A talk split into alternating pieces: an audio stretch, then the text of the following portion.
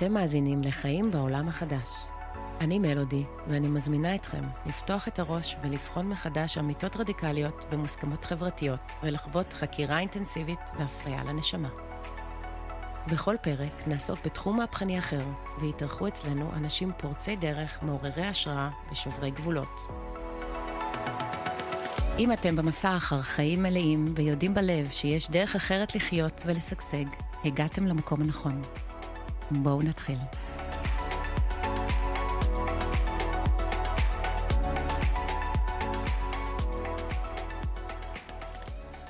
ברוכים וברוכות הבאות לחיים בעולם החדש. היה לי מאוד חשוב להקליט איזשהו פרק סולו, רק שלי, שאני לא מארחת אה, בפרק הזה אף אחד. והסיבה לכך זה כי הרגשתי ככה, קודם כל המון פניות שפנו אליי ושאלו אותי על מה הפודקאסט, ומה בעצם האובג'קטיב שלי עם הפודקאסט הזה. אה, הרבה אנשים שככה מכירים אותי דרך הפודקאסט אה, המשותף שלי עם רינת, חשיבה של אישה עשירה, והפודקאסט הזה נולד מתוך איזשהו צורך ורצון להגיע להשפעה נוספת, לאיזשהו רובד נוסף, שהוא לא רק אה, ככה שיח פורה שלי יחד עם רינת, אלא איזושהי במה אחרת שמאפשרת לי להביא את עצמי לידי ביטוי בנושאים שהם לא רק אה, סביב ההתפתחות האישית, פיננסית, אה, תודעתית, אלא להביא רובדים, רבדים נוספים לידי ביטוי ו, ולידי הקהל הרחב, שנוגעים העולם החדש. כיצד אנחנו בוראים, בוראות עולם חדש? מה הם הנושאים החשובים שעליהם אנחנו צריכים למעשה לשים דגש? וכשהגיתי את הרעיון הזה, זה קודם כל נושא שמלווה אותי כבר הרבה מאוד שנים, של מה זה בכלל לחיות בעולם החדש. כלומר, ידוע כבר לרובנו, אני רוצה לקוות, שהדרך חיים שלנו למה שהתרגלנו עד כה, והמערכות חיים שאנחנו אה, מורגלים אליהם וחיים בקרבם, כבר אינם משרתים אותנו אה, בצורה מיטיבה. אה, הרבה מהמודלים כבר פגו תוקף, בין אם זה מערכות חינוך, בין אם זה מערכות זוגיות והתא המשפחתי, קריירה, תשתיות, כן? מלא, מלא תחומי חיים שלמעשה זקוקים לסוג של חישוב מסלול מחדש, איזשהו מייק אובר, איזשהו עדכון גרסה, if you will. והאג'נדה שלי כאן היא מאוד ברורה ו... ומאוד כוללנית. אני מקווה מאוד אה, להצליח לגעת בכל נושא החיים, ובכל פרק לגעת בעוד איזשהו נושא שככה נוגע בכולנו, בחיים של כולנו. והיום אה, יצא לי לראיין אה, מוקדם יותר מישהי מדהימה בנושא של מנהיגות נשית, וזה נושא שאני מדברת עליו המון, ואני מרגישה שזה נושא חשוב. יש משהו בהוויה הנשית, אני תמיד אוהבת לדבר לחבר את עולם הרוח ועולם החומר, ואני הרבה מדברת על זה שאנחנו חלק מהטבע, ושיש לנו תפקיד חשוב כאן אה, בשמירת הטבע ובעבודה עם הטבע, מכיוון שאנחנו חלק מן הטבע. ואחד הדברים, הנושאים החשובים בעיניי, זה להבין את מקומנו בעולם. להבין את מקומנו כנשים בעולם, להבין את מקומנו כבני אדם בעולם, ולהבין את התפקיד שלנו פה בעולם. וכשאני מסתכלת אפילו אחורה בהיסטוריה, ואני לפעמים מסתכלת על כתבים עתיקים, כולל גם התנ"ך, ואני מסתכלת על כל מיני סיפורים, אה, כמו אדם וחווה, למשל, ואני הרבה מתבוננת בסוגיה הזאת של מה זה גבר ואישה. ומהי האינטראקציה ביניהם והחיבור של האין והיאנג הזה. מה שגם זה משתנה, המודלים של מהי זוגיות ומהי משפחה, גם זה מקבל צורה שונה של גבר וגבר, אישה ואישה. כלומר, הכל משתנה. ואני רוצה להגיד שכשאני התבוננתי אז על הסיפור של אדם וחווה, אני ראיתי טייק אחר. אני לא ראיתי אדם וחווה, אני קראתי אדם חווה. כלומר, אדם חווה את עצמו, אדם חווה את העולם דרך האישה. הרבה מהסיפורים שאנחנו גדלנו עליהם הם לא סיפורים הם, של אירועים דה פקטו בראייה שלי, אלא הם סיפורים מטאפוריים, סיפורים שמחברים אותנו לתובנות עתיקות יומין, תובנות עמוקות, רוחניות, וגם קבליות מהמילה קבלה, לקבל. עלינו לקבל את הידע הזה, או את המידע הזה, כמו שהמנטור שלי אוהב להגיד, ולהפוך את המידע הזה לידע.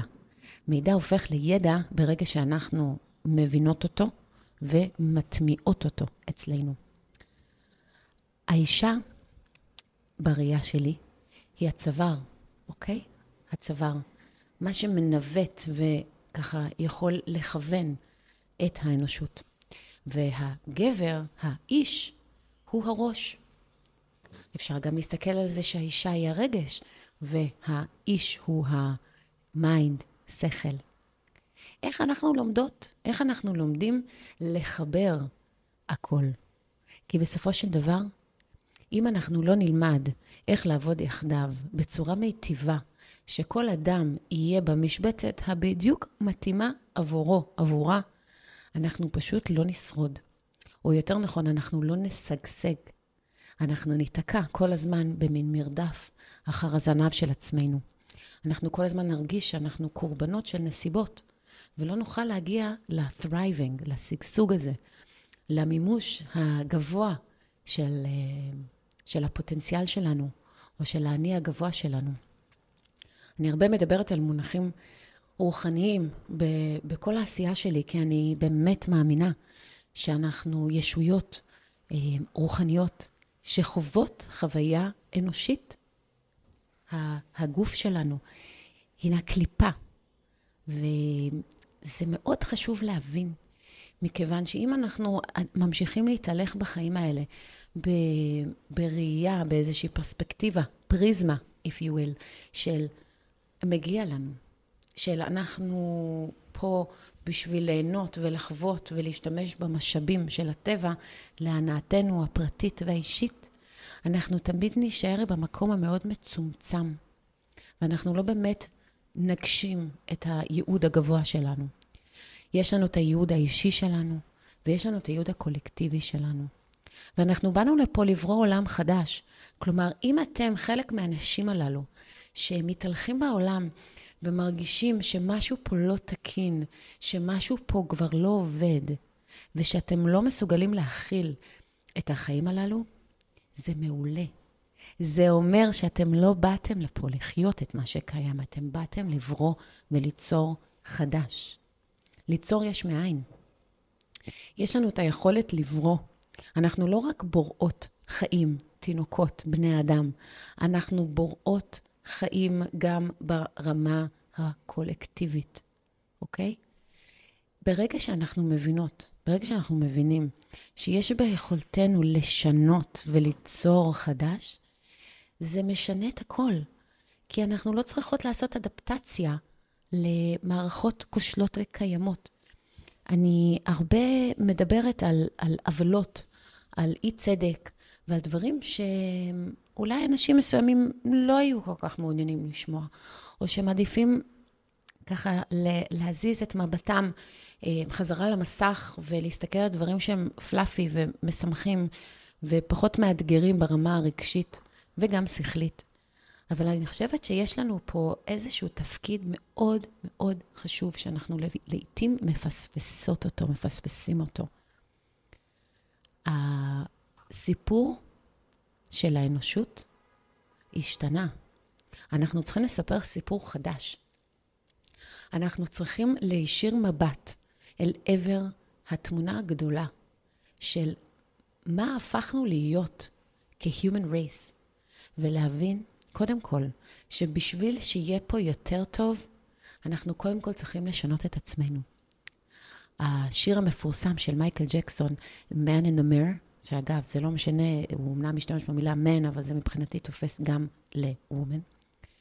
אבל הוא בעצם אומר, וזה שיר מהמם בעיניי, שאנחנו צריכים, בשביל לשנות את העולם, אנחנו צריכים להסתכל במראה. והאדם שאנחנו רואים במראה, אותו, אותה, אנחנו צריכים לשנות ולשפר. אין לנו מה לשנות בחוץ. העולם בחוץ הוא הקרנה של העולם הפנימי שלנו. ויש שיגידו, לא, אבל זה לא יכול להיות, מלחמות, אה, מגפות, כל מיני סיפורים חיצוניים עלינו, הם תולדה של החיים הפנימיים שלנו. אתם רואים מאבק בחוץ? תסתכלו פנימה. איזה מאבק אתם מנהלים מול עצמכם, מול המערכות חיים שלכם, הבית שלכם, המשפחה שלכם? איפה אתם רואים השתקפות פנימית? זאת אומרת, זאת אומרת, איפה אתם רואים בהשתקפות החיצונית, אם אתם רואים משהו שאתם לא אוהבים, לא אוהבות?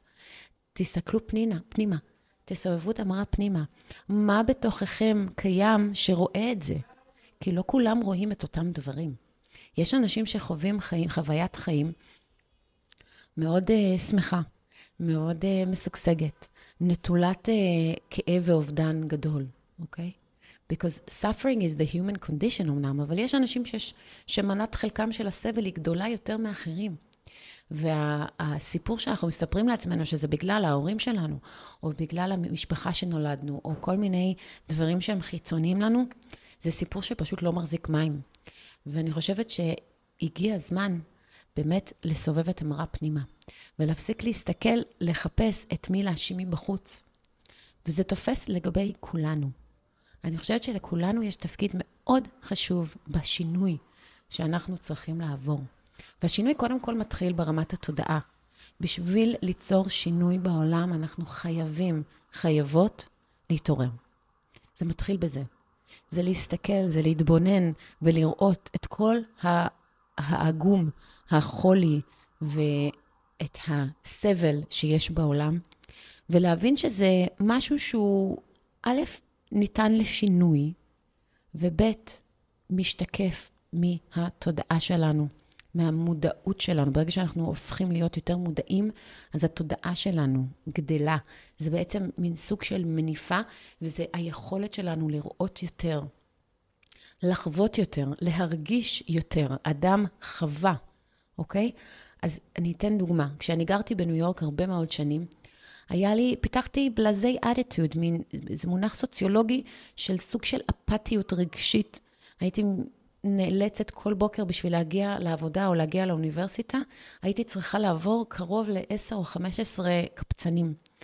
אנשים בלי רגליים, בלי ידיים, סבתות זקנות בלי שיניים, אימהות עם ילדים קטנים שמקפצים נדבות, מראות קשים להכלה. לכל אדם בכללי, אבל לי בפרט, כאדם מאוד מאוד רגיש. ואני זוכרת שאני בהתחלה פיזרתי כספים לכל עבר, ואחרי כמה זמן אני לאט לאט פחות ופחות כאבתי, פחות ופחות בכיתי ככה ב, ב, בדרך שלי. כי אני הייתי מגיעה בהתחלה, בשנה הראשונה, מגיעה למשרד בוכה ו, ו, וככה משתפחת ואומרת, איך, איך אתם עושים את זה? איך אתם מתמודדים עם זה? ולאט לאט, כמו כולם, סגרתי את הלב שלי. והדבר הזה היה אחד הדברים הנוראים שעשיתי עבור עצמי. מכיוון שלב סגור לא יכול לחוות חיים מלאים. לב סגור לא יכול לחוש אהבה במלואה, ולב סגור גם לא יכול לשנות את העולם כמו שאני תמיד אה, חלמתי ורציתי, עוד מהיותי ילדה קטנה. אני ידעתי תמיד שנועדתי לי יותר. ידעתי תמיד שאני הגעתי לכאן עם איזושהי מטרה, אה, ייעוד, שליחות, מה שלא תקראו לזה, אבל הגעתי עם איזשהו מטען רגשי, אנרגטי, אחר. נשמה עתיקה, לא יודעת איך לקרוא לזה, אולי all the above. אבל היה לי ברור, כמו שהיה לי ברור שאני צריכה אה, לדחוף את עצמי, כי אף אחד לא ידחוף אותי קדימה. אני גם ידעתי שאני צריכה לצאת מה, מהבלאזי אדיטוד הזה. ידעתי שזה לא יאפשר לי לגעת ולהשפיע בסדר גודל שאני רציתי ועדיין רוצה. ויום אחד אני, אני פשוט ככה שמתי כוונה, כמובן עזבתי את העיר הגדולה וחזרתי לישראל, אה, ולמרות שזה לא אה, המקום שבו נולדתי, אני עדיין מרגישה חיבור מאוד מאוד עמוק לאדמה הזאתי, לעם הזה. וכחלק מהשליחות שלי, אני מרגישה שיש בחובתי להשתמש ברגישות שלי, שפעם ראיתי בה כמכשול, אתגר, אה, משהו רע, משהו שצריך להתבייש ממנו. היום אני רואה את זה כסופר פאוור, ואני מזמינה אתכם גם לקחת את הרגישויות שלכם ואת המודעות שלכם, ולהתמיר אותו ולהפוך אותו להיות המתנה שלכם. כי מי שיכול להרגיש יותר, יכול לעשות יותר, לגעת יותר. היכולת שלנו להרגיש את סבלו של האחר זה לא מגרעה, זו מתנה. כי בשביל לעבור את האבולוציה שהאנושות צריכה לעבור, אנחנו בהכרח נהיה חייבים לעבוד יחדיו.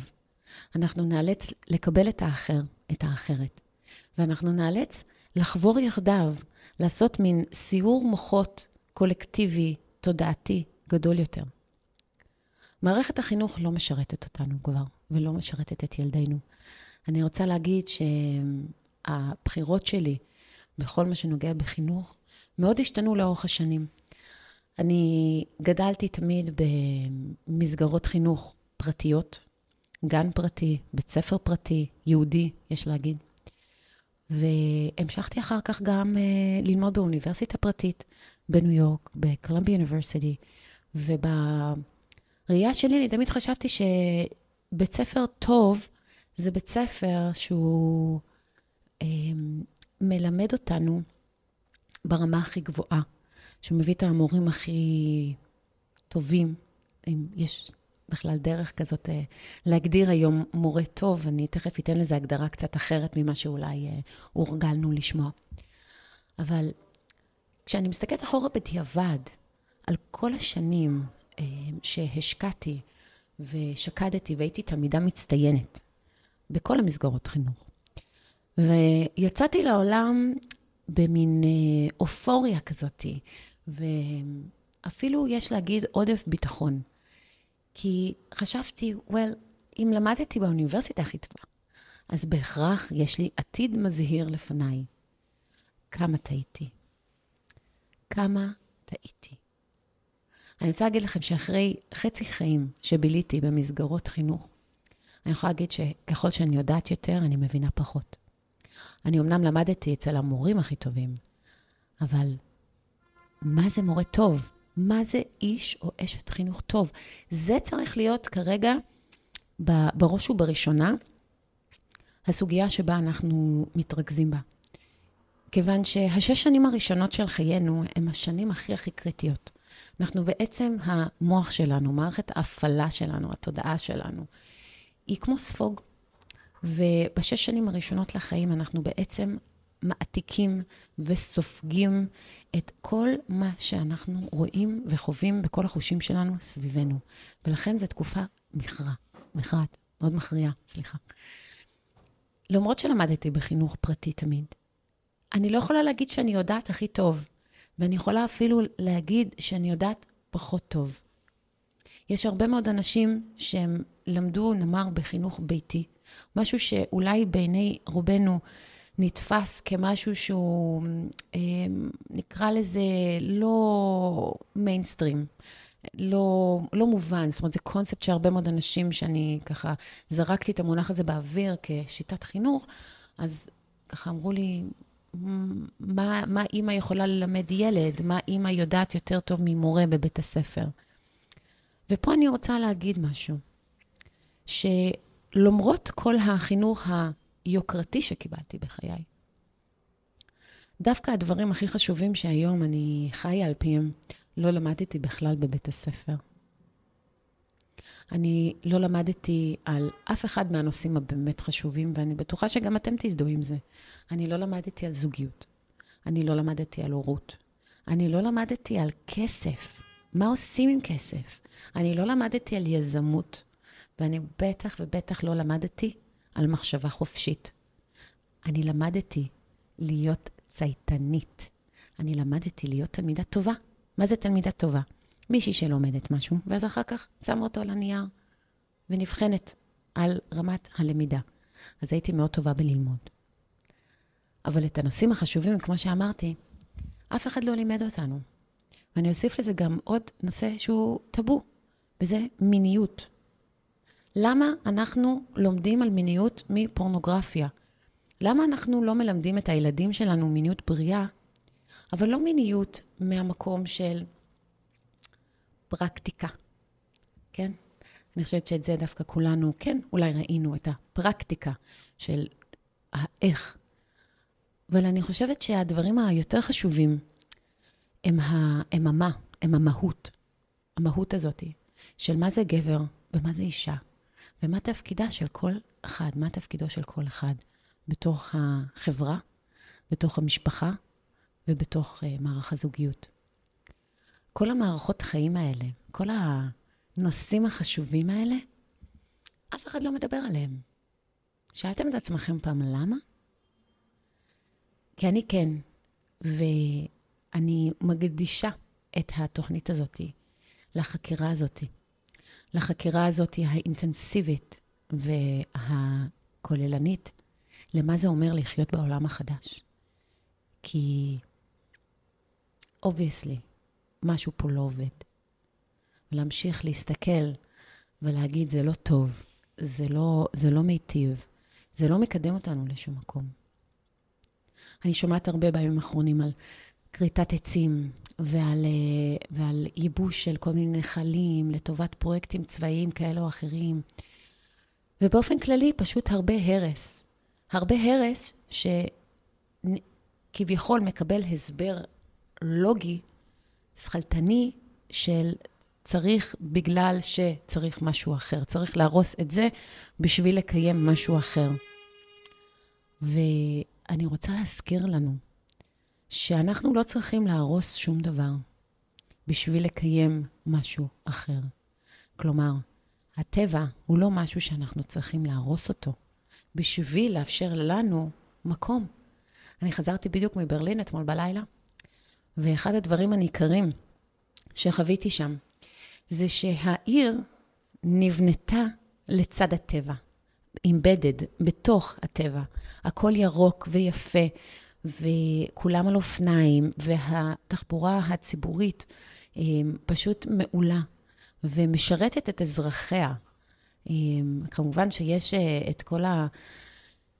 את השאלה הזאת של האם חיים אורבניים הם, הם נכונים, ולבטח לא לכולם, לבטח לא לי, אבל למרות שחייתי רוב חיי במטרופולין ו, וככה בערים גדולות, אני מרגישה שהתפקיד שלנו כרגע זה קודם כל להבין שאנחנו חלק מהטבע.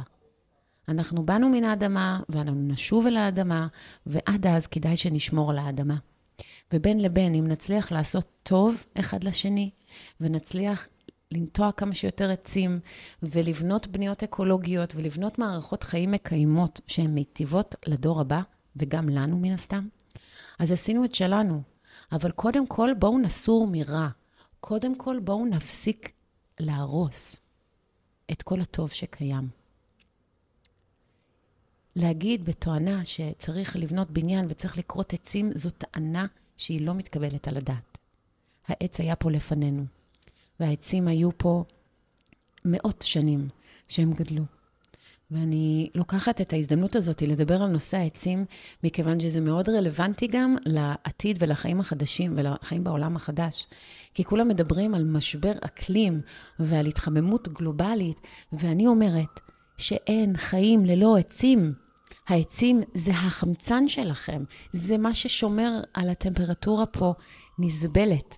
אם אתם תסתובבו בעיר או שתסתובבו בתוך הכפר, אני גרה בפרדס חנה, הטמפרטורה מאוד שונה. כשאני מתהלכת ברחובות תל אביב, או אל מול בתוך המושבה, שככה עדיין נותרו הרבה מאוד עצים. ואני נותנת את זה כדוגמה, זה בהחלט לא הדבר או הסוגיה היחידה שאנחנו צריכים להתמודד איתה, אבל זה בהחלט דוגמה מצוינת לזה שאנחנו צריכים לקחת את הקיים ולשפר אותו, לא להרוס ולבנות חדש. אלא אם כן מדובר במערכות פוליטיות שהדעה שלי היא מאוד נוקבת לגבי זה. אה, ומי שעוקב אחריי, מי שעוקב אחריי אה, בשנים האחרונות, יודע את דעתי בנושא. אני מאמינה שהשינוי, קודם כל, שאנחנו רוצים לראות בעולם, בהכרח יבוא מאיתנו. It's to be a grassroots revolution. grassroots, מה, מהמילה אה, שורשים של עשב, grassroots, זאת אומרת שזה יבוא מלמטה. זה, זה לא יהיה top down, זה לא יהיה אה, מאיזושהי ממשלה, ישועה לא תבוא מממשלה שתתווה חוקים כאלה או נהלים כאלה או אחרים. זה צריך לבוא מאיתנו. אנחנו הרוב, אנחנו ה-99 אחוז. הכוח שיש לנו הוא בלתי נתפס. הכוח שלנו באחדותנו, הפלאים שאנחנו יכולים לחולל, העולם שאנחנו יכולים ליצור יחדיו, הוא פשוט לא נתפס.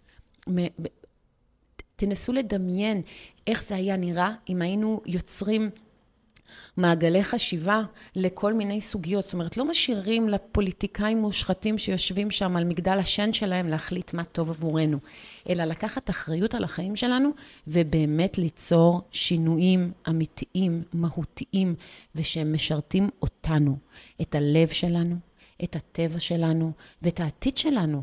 אנחנו רוצים להוריש עולם טוב יותר לילדינו. אנחנו, מחובתנו להשאיר עולם טוב יותר ממה שאנחנו ירשנו בעצמנו. אנחנו לא יכולים יותר להיות עסוקים כל היום רק בקיום היומיומי שלנו. זה לא עובד. זה לא מחזיק מים. אנחנו לא יכולים יותר רק לדאוג לעצמנו ול, ולביתנו. אנחנו חייבים להסתכל החוצה מהחלונות ולצאת מהדלתות שלנו ולהסתכל סביבנו. הבעיות שאנחנו רואים בעולם הן באופן ישיר משפיעות על כולנו. אנחנו גם לא יכולים לצפות שיבוא איזשהו, לא משנה, כאילו, תגידו לי, מנהיג יותר טוב יגיע, וזה, ו- וזה יבוא, וזה יעלה. הם לא משרתים אותנו, את האינטרסים שלנו, הם משרתים את האינטרסים שלהם ואת התאגידים שמממנים אותם, והאינטרסים, ה... נקרא לזה, מדיניים, אוקיי? הם לא משרתים אתכם באופן ישיר. אתם אמנם מממנים אותם ומשלמים עליהם, אבל את, הם לא לוקחים אתכם בחשבון כשהם מקבלים החלטות, ואתם יכולים לראות את זה דה פקטו לפי החיים שלכם. שהכל מתייקר, הכל נהיה קשה יותר, הכל פשוט לא עובד. אז אני מזמינה אתכם, בתור התחלה. אתם לא יודעים אולי מה לעשות ומה, ואיך לעשות, אבל אני לפחות ארכז עבורכם כאן, בתוכנית שלי, את המה יש לעשות, ואת האיך אפשר לעשות. ואולי אם אנחנו נקשיב, נאזין, ונתחבר, נמצא את המקום שהלב שלנו מתחבר, תמצאו איזשהו נושא אחד, איזו קטגוריה אחת שנוגעת בכם, שאתם מבינים בו, ותתחילו בדמיון שלכם בתור התחלה לראות עולם יותר טוב. אמנם אנחנו צריכים לראות את כל מה שפגום ושבור ולוקה בחסר, אבל רק לטובת התעוררות והעלאת התדר שלנו, אוקיי? אני הרבה מדברת על התדר שלנו. אבל ברגע שאנחנו הבנו, ואנחנו ממשיכים לראות כמה שהמגמה הולכת ולא משתפרת, אלא דועכת, והמגמה הזאת רק תמשיך עוד ועוד ככה לרדת מהנתיב הזהב, או, או הנתיב המיוחל אליו, אז כשאנחנו נבין שיש לנו השפעה על זה, ואנחנו נתחיל לדבר את זה, ואנחנו נתחיל לקבל החלטות קטנות, משלנו. למשל, אני הסתובבתי בברלין, בכל מקום, כל האריזות הן אקולוגיות. הכל. לא תמצאו משהו אחד מפלסטיק, אפילו הבקבוקים שלהם הם במין אריזות קרטון כאלה. אין מכסים של, של כוסות קפה מפלסטיק. הכל כבר אקולוגי. אז החלטות כאלה הן החלטות שהן משנות גורל. הן משנות הכל. ועוד החלטה, ועוד שינוי, וזה יבוא, זה צריך לבוא מלמטה, זה צריך לבוא מאיתנו. אנחנו אחת המדינות היחידות שצורכות כמויות מטורפות של פלסטיק וניילון. די. אין לזה מקום יותר בחיים שלנו. זה מגיע לבטן של הלוויתנים, זה מטנף לנו את הים, ואין לזה פשוט מקום יותר. אז אני מזמינה אתכם להמשיך לעקוב אחריי, להמשיך לעקוב אחרי כל האורחים המדהימים שאני הולכת להביא לכאן. אתם יכולים uh, לעקוב, לדרג, לשתף, לתייג, כל דבר שיעלה את המודעות של כמה שיותר אנשים. ובואו נעשה טוב, בואו נסור מרע ונעשה טוב, ואנחנו נראה טוב, כי רובנו טובים. האנושות היא טובה. אין אדם שהוא רע, יש אדם שרע לו. ואני לוקחת את המוטו הזה איתי לאן שאני הולכת בחיים. וכשמישהו פוגע בכם, תזכרו שהוא פגוע מבפנים. ואנחנו צריכות כנשים, אני מזמינה אתכן לגלות חמלה ורחמים, ויש לנו מקום חשוב בריפוי, בלרפות את האנושות. כי אנחנו בהחלט נהיינו חברה חולה. העולם חולה. האדמה, פת שממה, איך שלא תרצו לקרוא לה. אנחנו זקוקים ל, לריפוי כוללני של הכל, וליצור עולם חדש. כלכלה חדשה, חינוך חדש, בתים, זאת אומרת, כל, כל מה שאתם רק יכול, יכולים לדמיין, אנחנו יכולים וצריכים בהכרח לשנות. אז בואו נברא עולם טוב יותר. אוהבת אתכם, אני הייתי מלודי, ועד לפרק הבא. שיהיה שבוע נפלא. תודה שהייתם איתנו, ונשתמע בפרק הבא.